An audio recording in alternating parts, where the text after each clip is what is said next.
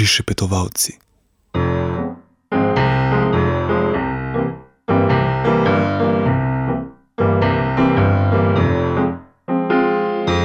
Želim živeti brez skrbi in tu jaz tiskam me ne briga. Vem, kar je treba vedeti. Življenje je odprta knjiga,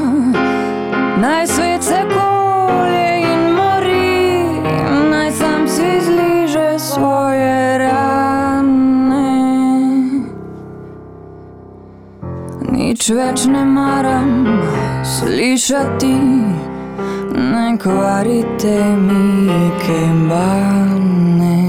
Največ je vreden mir, največ je vreden mir.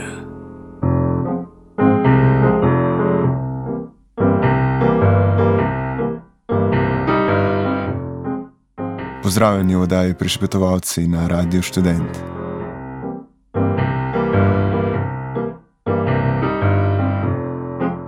Desetega marca lani je parlament na pobudo poslanca SMC Marjana Dolinška uzakonil nov praznik, Dan suverenosti, spomin na 25. oktober 1991, ko naj bi Slovenija ne le pravno formalno, temveč tudi dejansko postala suverena država.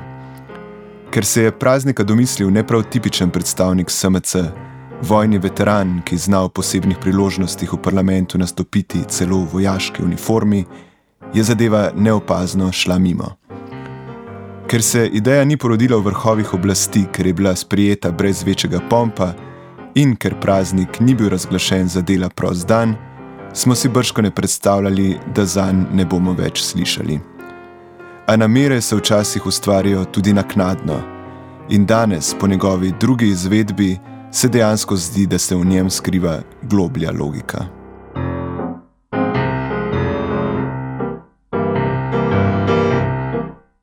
Ko so si z uvedbo dneva suverenosti v Cerarjevi stranki ustvarili svoje lastno samosvojiteljsko obeležje, svoj lastni zgodovinski pomnik, svojo lastno prepustnico v svet državotvornega slovenstva, bi si dejansko težko izbrali simbolni dogodek, ki bi jim bil bolj pisan na kožo. Trenutek, ko je iz Slovenije odšel še zadnji vojak JLA, v osamosvojitvenem mitu namreč nastopa kot trenutek popolnega reda in popolnega miru.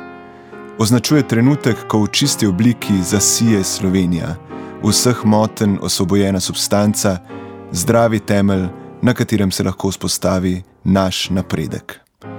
In če vemo, da Cerar kot predpogoj našega napredka razume tudi fizično izolacijo od vseh nadležnih problemov preostalega sveta, postane jasno, zakaj se mitični odhod zadnjega vojaka JLA tako dobro uklaplja v mentalno schemo, ki jo uteleša žica, schemo izolacije in purifikacije.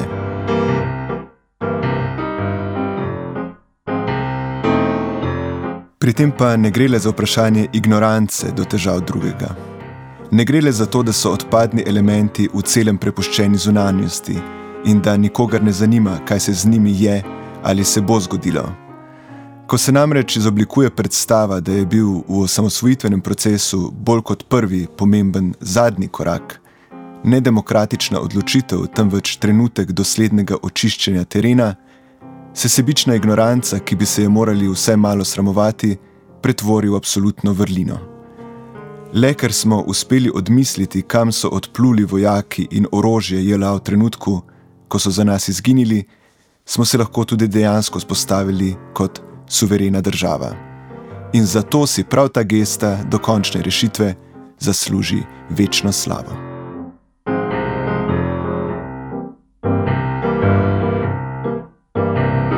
Problem skratka ni le v tem, da moramo ponovem še enkrat več praznovati eno in isto osamosvojitev, temveč da je z novim praznikom osamosvojitev še bolj postala simbol sebične zatohlosti, v kateri pa je, kot smo videli na državni proslavi v Kopru, mogoče tudi intenzivno uživati. In v čudno agresivni predstavi, polni domoljubne avtosugestije in bizarnega, nacionalno poudarjenega ponosa na družbene samoumevnosti, ni uživala le Slovenija, užival je tudi premije.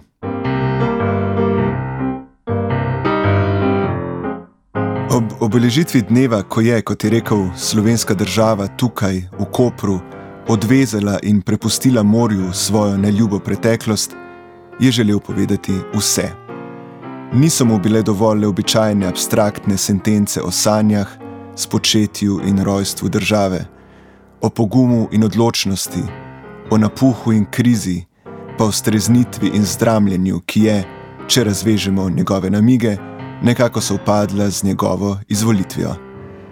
Da bi novo energijo začutili bolj konkretno, je na proslavi spregovoril še o zdravstvu, sociali, Luki Koper, mladih in investicij japonskega podjetja Juskava. Seveda pa se ni mogel izogniti niti begunski krizi. Ob kateri pa je, le kaj drugega bi pričakovali, vsem nam podtaknil dobre in slabe lastnosti, ki naj bi ob njej prišle na dan. Nam torej vsem skupaj, kot da imamo kaj z njim, pripisal vzgibe, zaradi katerih nam je iz Hrvaško še danes postavlja tehnične ovire.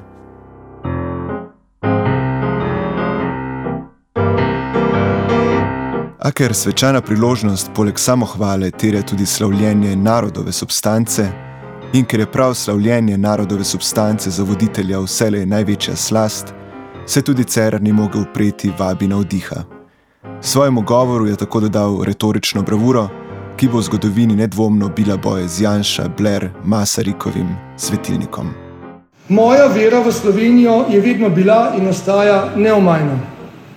Tudi v tej veri in v svoji viziji vidim Slovenijo le kot demokratično in pravno državo, ki spoštuje človekovo dostojanstvo in daje mladim generacijam realno upanje in možnost, da bodo živeli polno življenje. In če pomislimo, koliko ljubezni je bilo potrebno, da smo kot številčno majhen narod skozi stoletja obstali in na to celo ustanovili lastno državo, Verjetno ni na ključe, da je angliška beseda ljubezen, love, in angliščina je danes eden najpomembnejših jezikov sveta, vsebovana tako v slovenski besedi človek, kot tudi v besedi Slovenija. Bodimo ponosni na svojo državo, ter na vse svetle in junaške plati naše slovenske zgodovine, kajti v svojem duhu smo slovenci, vedno, kadar to hočemo in se za to potrudimo, resnično velika nacija. Nacija, ki lahko samozavestno stopa ob boku vsem ostalim narodom tega sveta. Ko se sredi podivjanega patriotizma, ki je ponovem postal nekaj najbolj normalnega, pojavi čista abota, poetičnost, kakršne smo bili nekoč vajeni v spominskih knjigah, dokončno vidimo, pri čem smo. Lahko bi se pojavilo kaj drugega, a pojavil se je prototip današnjega slovenca, pojavil se je Miro Cerar.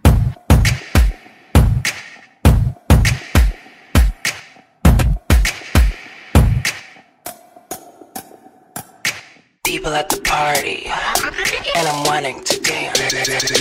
Other ugly ass bitches, can't stand it, no chance. Dudes looking at me like they wanna get in my pants. Who's getting mad? Come on, bitch, see me with them hands. With them hands, with them hands, with them hands, with them hands, with them hands, with them hands, Come on, bitch, see me with, see me with them hands. See me with them hands, see me with them hands,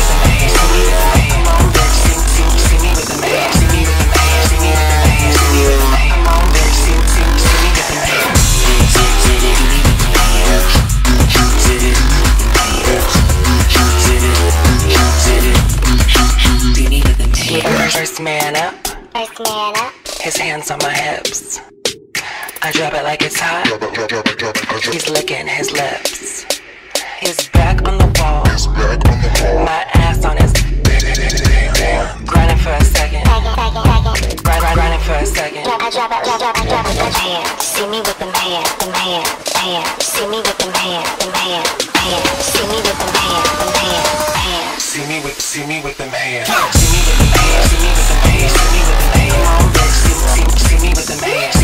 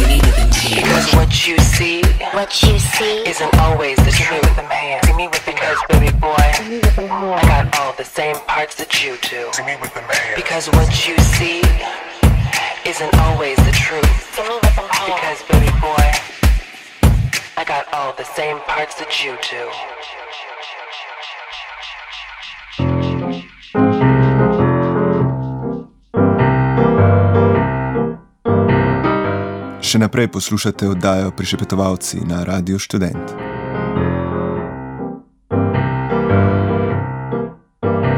Konec prejšnjega tedna se je zgodil sindikalni protest v podporo najslabše plačenih, normalno zaposlenih.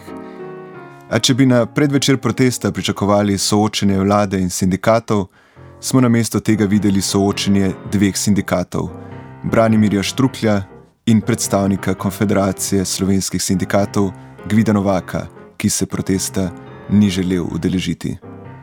O tem, kaj to pomeni, kasneje pa tudi o naši vladi in CETI, govori Gorast Kovačič. Ja, to je fenomen Gvida Novak. Uh, ostali sindikati ga imajo za razbijača. Mislijo, da je povezan z desnico in da je njegova naloga razbijanje sindikalnih stališč in potencijalne enotnosti. Eh, predlogi, zakonodajni, ki jih daje, so pravzaprav antisindikalistični.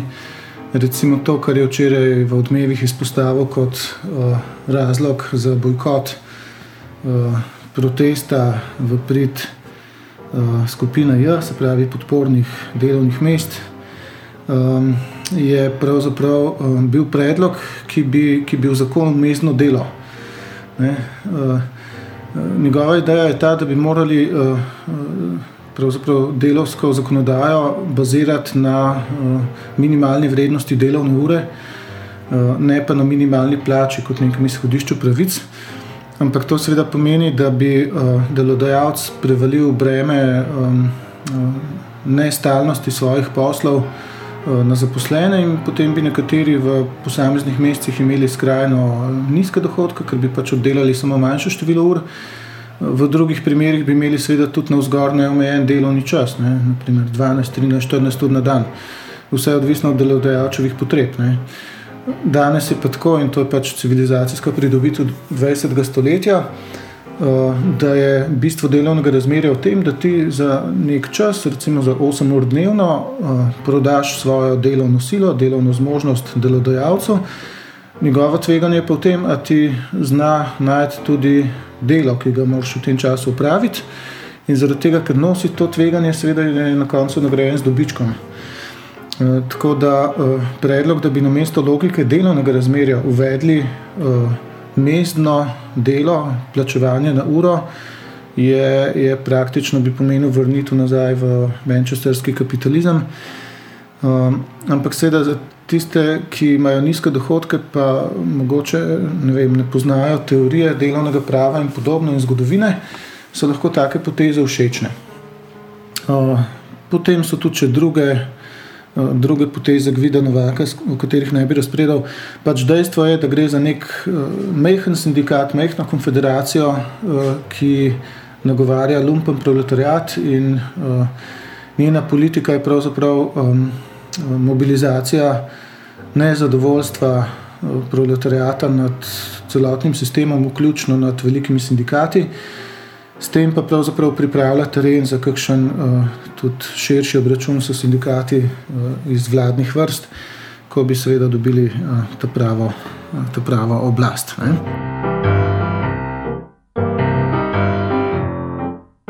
Temeljna težava plačnega sistema, kar zadeva najslabše plačane, je v tem, da so od 1. do 15. plačnega razreda vse plače izenačene, zato ker je prvi plačni razred globoko pod minimalno plačo. Se pravi, spodaj imaš uravnilovko in ti ljudje nikoli v karieri ali pa šele proti koncu ne morejo napredovati do položaja, ko bi imeli kaj več kot minimalno plačo.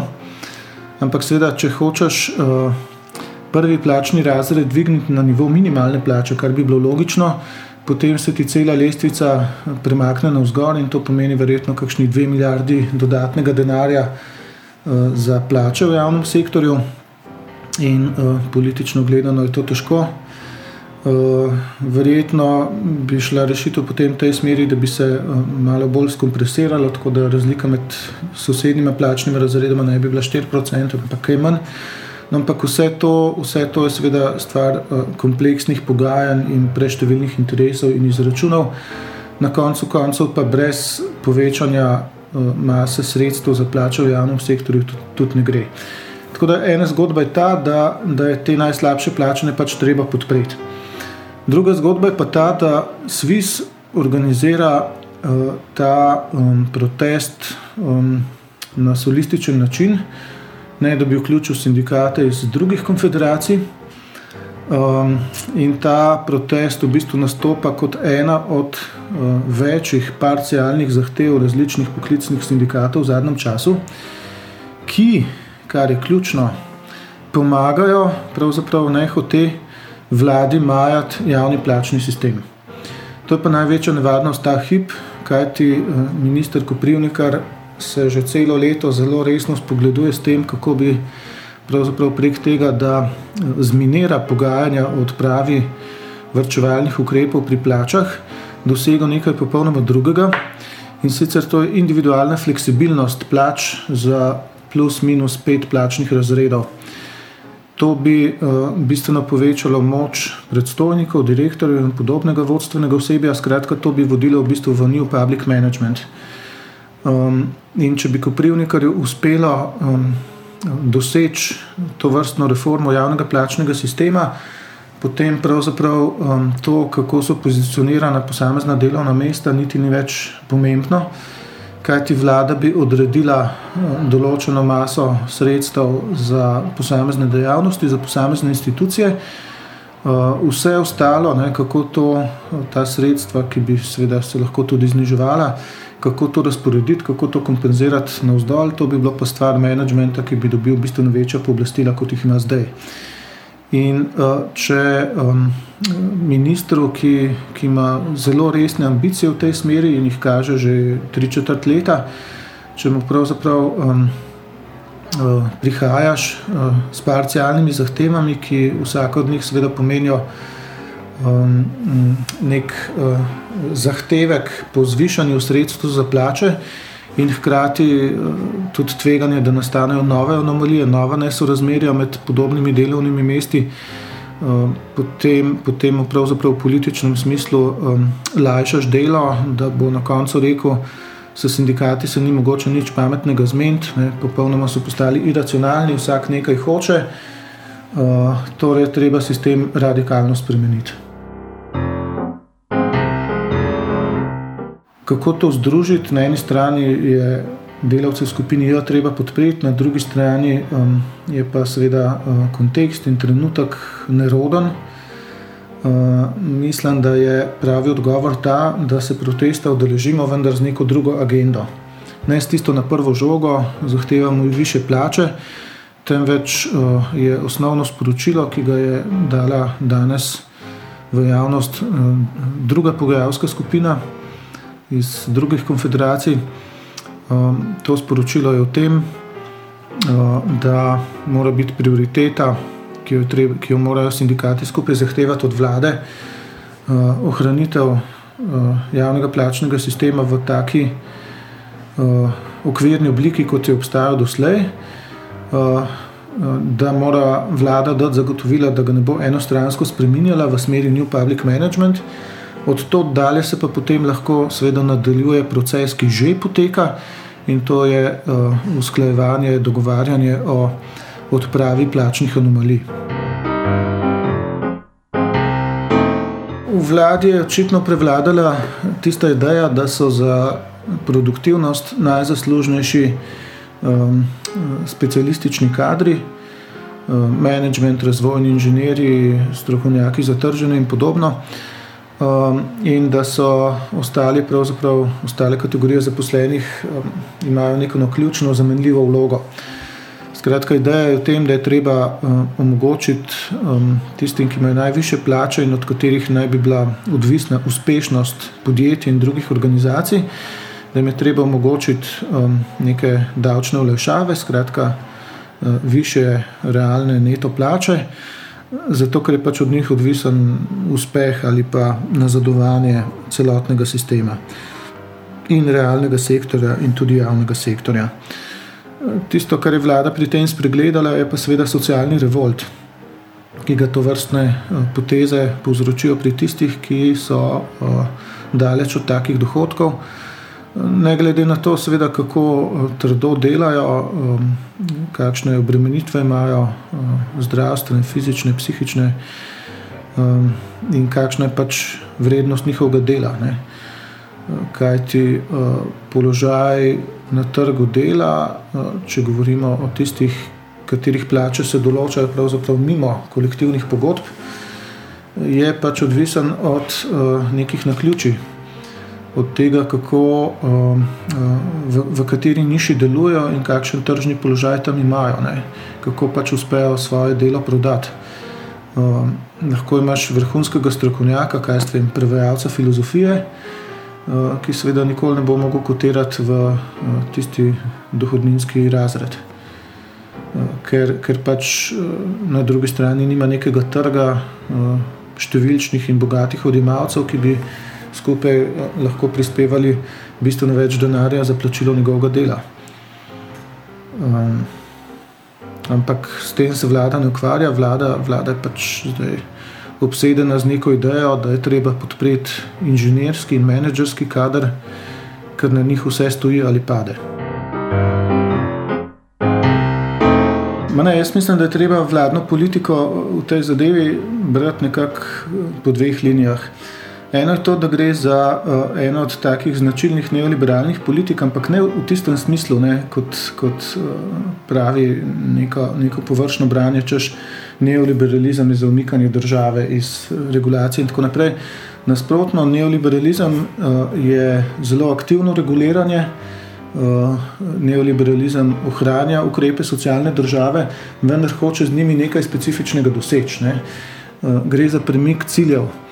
Eh, če so bili v socialdemokratski socialni državi ključni cilji usmerjeni v to, da se človeka, posameznika, razbremeni eh, njegove zelo velike odvisnosti od trga dela in se poveča njegov prostor svobode in se mu omogoči eh, neko nepogojeno blaginjo in storitve.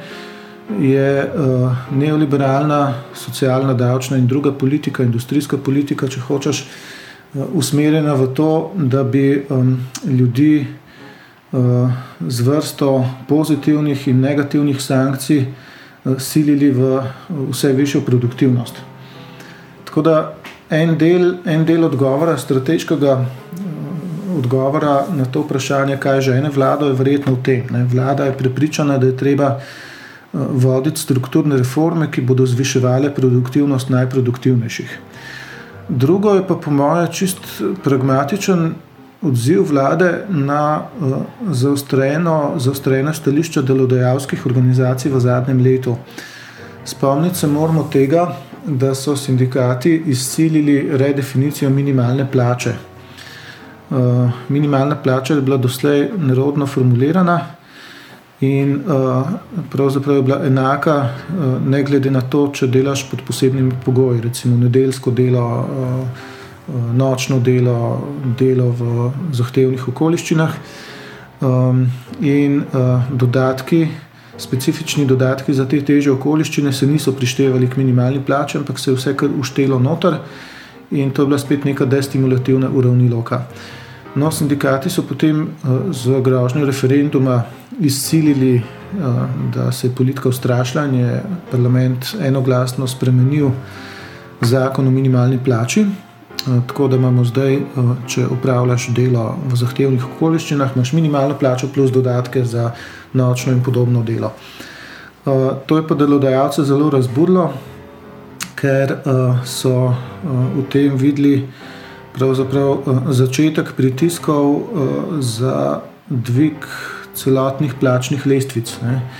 Ker zdaj se je tisto, kar je bilo do zdaj, pač gola minimalna plača, se je približalo eh, nekoliko višjim plačnim razredom v industrijah, uh, in seveda spet tam nastane uravnilovka in to je pritisk, da bi plače dvigovali na vzgor.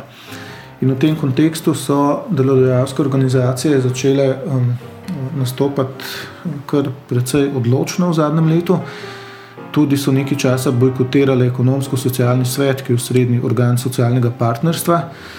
Skratka, vlada se je znašla pod okrepljenim pritiskom in je potem morala uh, tudi delodajalcem nekaj dati.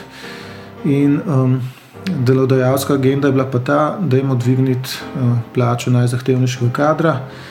Uh, njihova zgodba je o tem, da ta kader beži v tujino, uh, zaradi tega, ker ima v Avstriji ugodnejšo davčno strukturo kot pri nas. Ampak, seveda, to je samo en del resnice. Ne? Kaj ti, če bi, um, če bi uh, delodajalci res uh, proizvajali uh, zadostno število teh zahtevnih delovnih mest, ne, potem bi seveda morali sami tekmovati drug z drugim, uh, kako, kakšne dodatne bonitete ponuditi uh, svojim zaposlenim uh, v teh na inženirskih in, in podobnih uh, zahtevnih delovnih mestih da jim pač ne zbežijo konkurenci ne, v soseščini ali pa, ali pa recimo v Avstriji, Nemčiji in tako naprej. Ampak tega ni. Sej, na vse zadnje, če bi slovensko gospodarstvo proizvajalo ogromno inženirskih delovnih mest, potem bi eh, seveda v primeru, da imamo pri nas premalo tega tehničnega eh, kadra, bi jih pač uvažali ne, iz vzhodne Evrope. Eh, sej, jaz mislim, da inženirji slovanskih držav in Balkana bi z veseljem prišli v Slovenijo. Imaš jezikovno bližino, imaš više plače in tako naprej, ampak temu ni tako. Ne. Naše gospodarstvo uvaža nizko kvalificirane, ne. gradbenike, varilce, natakarje, um, ker uh, uh, delovnih mest z visoko dodano vrednostjo preprosto ni sposobno proizvajati. Ne. Tako da naše gospodarstvo je v pretežni meri v polperifernem položaju. Uh, in uh, inženirji, strojništvo, elektrotehnika in tako naprej odhajajo v tujino ne zaradi uh, razlik v davčnih sistemih, ampak preprosto zato, ker je tu premalo priložnosti, pa tudi premalo, uh, bom rekel, pošteno plačanih priložnosti. Ne. Naši inženirji tu silijo v to, da so SP-ji in jih potem tepe plačilna nedisciplina v Avstriji in pa seveda ponudijo zaposlitev za nedoločen čas in cel kup bonitet, ne, stanovanje, integracija družine in tako naprej. Um, tako da delodajalci tu, so tu vladi pač prodali neko zgodbo, ki uh, zvrača odgovornost za uh, neugodno strukturo delovnih mest iz njih samih, ne, iz njihovega vodenja podjetij, iz njihovega upravljanja kapitala na vlado, ne, na državo, ki ne bi bila neracionalna, požrežna in podobno. In vlada je preprosto morala ustreči za to, da si kupi, če tako rečem, socialni mir na delodajalski strani um, pač tripartitnega socialnega sistema. Mogoče bi se najprej lotil um, te teze, da je treba o kompleksnih vprašanjih odločati racionalno. Uh, ta teza ima dve plati. Ena plat, ena implikacija je ta, da um, navadni državljani, ki materije ne poznajo, o tem ne bi smeli odločati in da njihovo mnenje ne bi smelo biti merodajno za politike. Ampak uh, ta teza, ta tehnokratizem, ki je seveda uh, sestavni del um, neoliberalizma in tudi njegovih predhodnikov, predhodnih politik, elit za omejevanje demokracije, ta teza v bistvu vodi v to, da se um, navadni državljani, ne uki, ne specialisti, tisti, ki niso poklicni politiki, uh, itak bolj slabo poznajo vsa področja in torej tudi ne bi smeli imeti volivne pravice. Ne. Če jo pa že imajo, naj bo pa to prazen obred in naj se tam izvoli um, izmed uh, ponujenih opcij uh, ljudi, ki so specialisti, ki so poznavalci, tehnokrati in potem jim je treba dati štiri leta mer. Ne. Sam seveda tudi ta prilagoditev eh, te protidemokratične teze, protidemokratičnega stališča je mečkan kratka, zato ker um, voljivci bi morali imeti vsaj toliko predpostavljene racionalnosti, da bi znali izbrati med dvema ali tremi tehnokratskimi opcijami. Ampak seveda uh, premisa uh, tudi to možnost že vnaprej zanika. Tako da to. to uh, nasprotovanje upletanju eh, državljanov v CETO in druge podobne zgodbe eh, je pravzaprav globoko antidemokratično, ni pa to od včeraj. No, cela Evropska unija temelji na eh, omejevanju demokracije. Druga, druga plat te teze, da naj o zahtevnih stvarih odločajo samo tisti, ki jih poznajo, je pa seveda ta. Ne, najbrž je med uh, državljani Republike Slovenije, ki niso politiki, večje število tistih, ki so preučili CETO, kot, uh, najdemo, kot ga najdemo med poklicnimi politiki. Celo državni sekretar Ministrstva za gospodarstvo je javno izjavil, da ni bral sporozuma CETA, kljub temu ga zagovarja. Ne.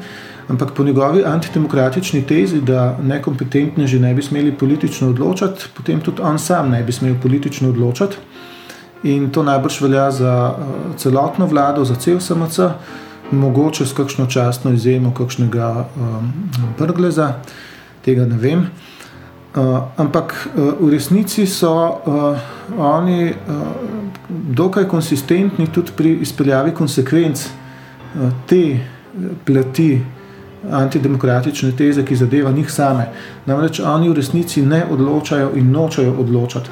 Oni so odločitev prepustili zunanjim akterjem, ne, mednarodnim institucijam, specialističnim pogajalcem Evropske unije, Kanade in seveda korporacij. Uh, tako da um, politika SMC-ja uh, ni protidemokratična samo do državljanov, je tudi uh, usmerjena navznoter in je v bistvu uh, politika abdikacije. Oni nočejo biti na oblasti, oni oblast prepuščajo tistim, ki imajo voljo do oblasti. To je pa slejko prej kapital, privatni lobby, mednarodne agencije. Zato, ker vedo in pravzaprav sami pri sebi priznavajo, da, da so nekompetentni za odločanje. No, vse volitve bodo. Uh, Vprašanje je samo, ali bodo imeli, oziroma kolikšno izbiro bodo imeli voljivci. Um, pa tudi, um, kateri, katere volivne baze bodo uh, svojim strankam, dosedanjim, zamerile uh, to vrstno hlapčevsko držo do, do pač pripravljavcev tega sporozuma. V tem smislu je mogoče Brglezova uh, pozicija, ki je uh, malo tako sedenje na dveh stolih. Ne, on je pač vem, intimno je proti CETI, pa je poskušal ugraditi varovalke, uh, sicer je pa za državotvorno abdikacijo ne, in, in prepustitev soverenih odločitev uh, Evropske unije. Mogoče, mogoče je ta dvojna drža že, že pač neke vrste predvoljivna taktika. Ne. Jaz mislim, da se nekatere stranke že kar nekaj časa obnašajo, kot da smo v predvoljivnem času, kar pomeni, da tudi smo. Um, in Brgles, ki je verjetno eden najbolj izobraženih članov SMC-ja in uh, uh, njihove uh, funkcionarske sestave, uh, se seveda zaveda, uh, kako, kako je ta stranka zavozila, kako je nekompetentna in poskuša potem s takimi. Um, akcijami, ki gredo na ravni retorike, mečkam proti uradni liniji stranke, um, popravljati škodo, zmanjševati škodo, ki, ki, tisto ceno, ki bo ta stranka morala plačati na naslednjih volitvah. To recimo se vidi tudi pri uh, stališču do uh, spreminjanja azilne zakonodaje in podobno. Samo to vedno počne na način, da, veš, ne, da bi se postavil kot opozicija znotraj, ampak v bistvu narediti tako, da se da se zunaj SMC naredi sovra, sovražnika, eh, na, proti kateremu, kateremu nasprotuje. Mislim, v tem primeru bo Brgles prvi, ki bo proti populizmu, bo prvi, ki bo uh, pač leve stranke, levo javnost bla, bla, označil za ne vem. Uh, Ekstremistično, preveč, mislim, v tem smislu, prvi bo, ki bo, ki bo imel to stališče. Hoče reči, on začuti, da je nekaj narobe, sam njegova reakcija je, kako rekoč, še globlje gre not v SMC, po mojem. Ja, on je pač lojalen SMC-ju, se je soustvarjal ta projekt. Um, mislim, on, on ima do te mere pač vsaj priložnostno občutek za javno mnenjsko razpoloženje, da uh, ljudem namigne, da imajo prav, ko se nečesa bojijo ali pa ko, ko so na neki jezni. Uh, in potem poskuša pokazati, kaj je vsaj neka frakcija SMC-ja naredila za to, da prepreči škodo, da zmanjša škodo pri nekem projektu. Ampak, seveda, na drugi strani ima pa tudi uh, izrazito elitistične poteze, ki se kažejo predvsem na ravni forme, ko, ko nastopa izrazito ritualistično uh, na ta način, da, da že pač na ravni samega um, nastopa, same drže, samega diskurza uh, vzpostavlja globoko zavezo med oblastjo in podaniki.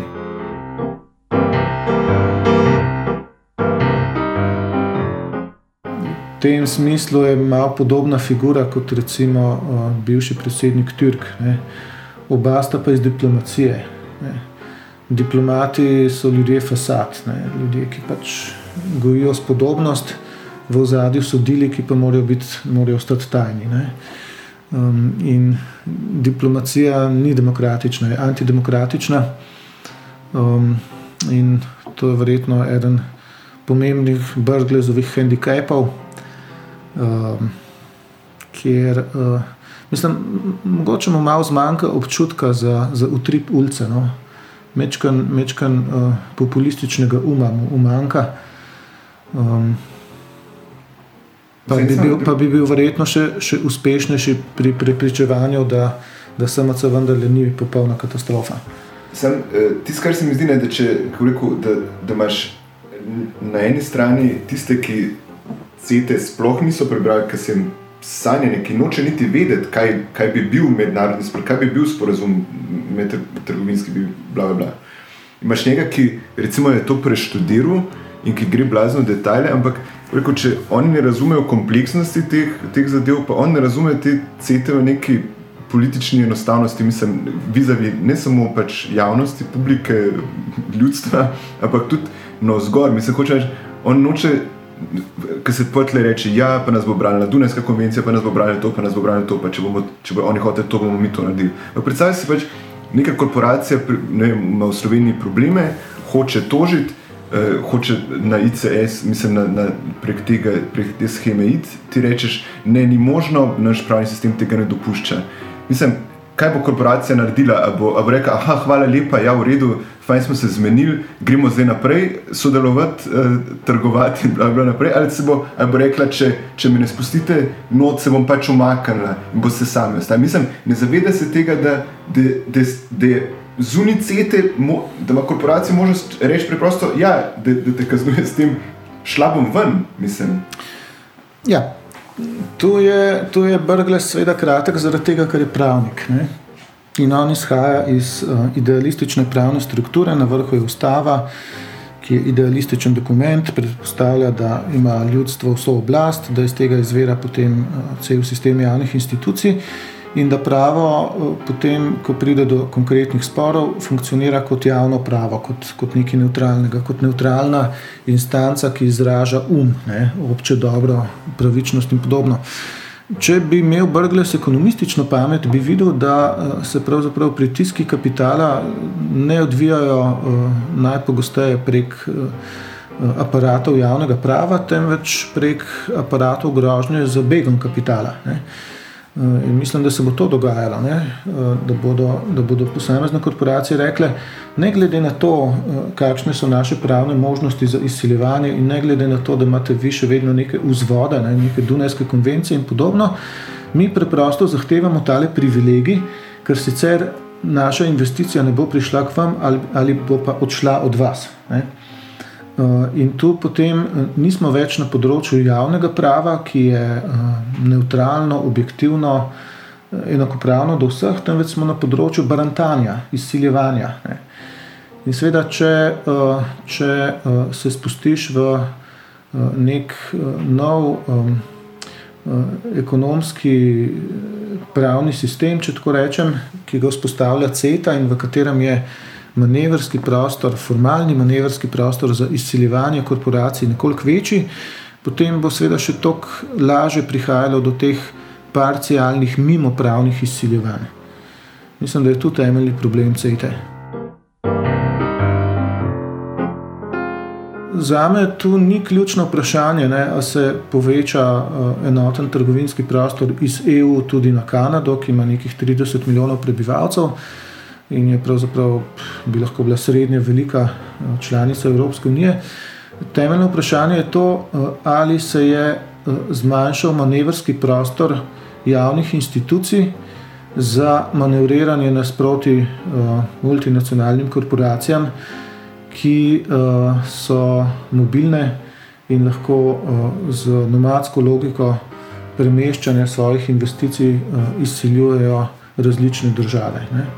Skratka, a se je, a se je pravzaprav preoblikoval, um, a se je pre, preoblikovalo razmerje moči med pravno državo in nomadskim kapitalom s CETO? To je ključno vprašanje. Uh, ne pa, ne pa sama geografska širitev uh, prostotrgovinskega območja. Pravi, ali CETA v uh, naš sistem prinaša nekaj, česar dosedanje sporozumi, dosedanje pogodbe Evropske unije niso vsebovali. Ne, ker če ne prinaša, bi verjetno lahko s Kanado enostavno podpisali nek pridružitveni sporozum ne, eh, in bi postala deležna um, določenih režimov, ki, jih, ki, jih pač, ki so jih vzpostavili že dosedanje konstitutivne pogodbe Evropske unije. Ne. Zdaj, kolikšna bi bila ta stopnja integracije, pa seveda stvar nekih odločitev, nekih pogajanj. Ampak mislim, da CETA prinaša nekaj kvalitativno novega. Thank you.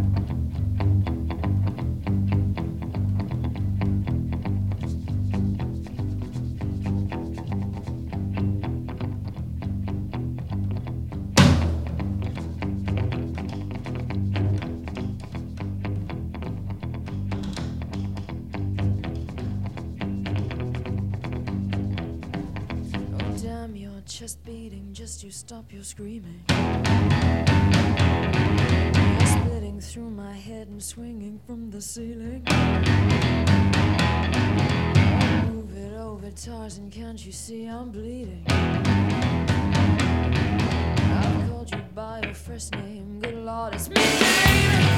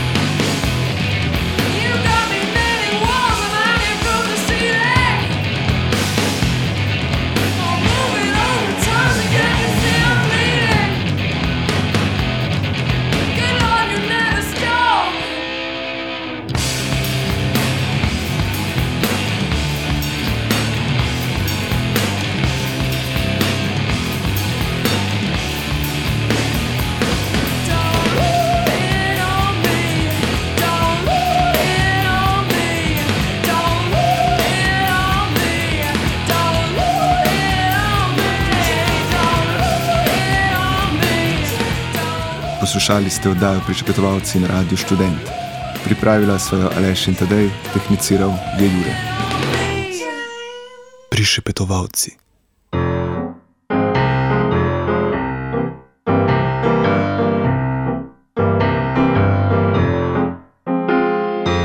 Želim živeti brez skrbi in tu jaz tiskam me ne briga kar je treba vedeti. Življenje je odprta knjiga, naj svet se kolje in mori, naj sam si zliže svoje rane. Nič več ne maram slišati, ne kvarite mi kembane največ je vreden mir, največ je vreden mir.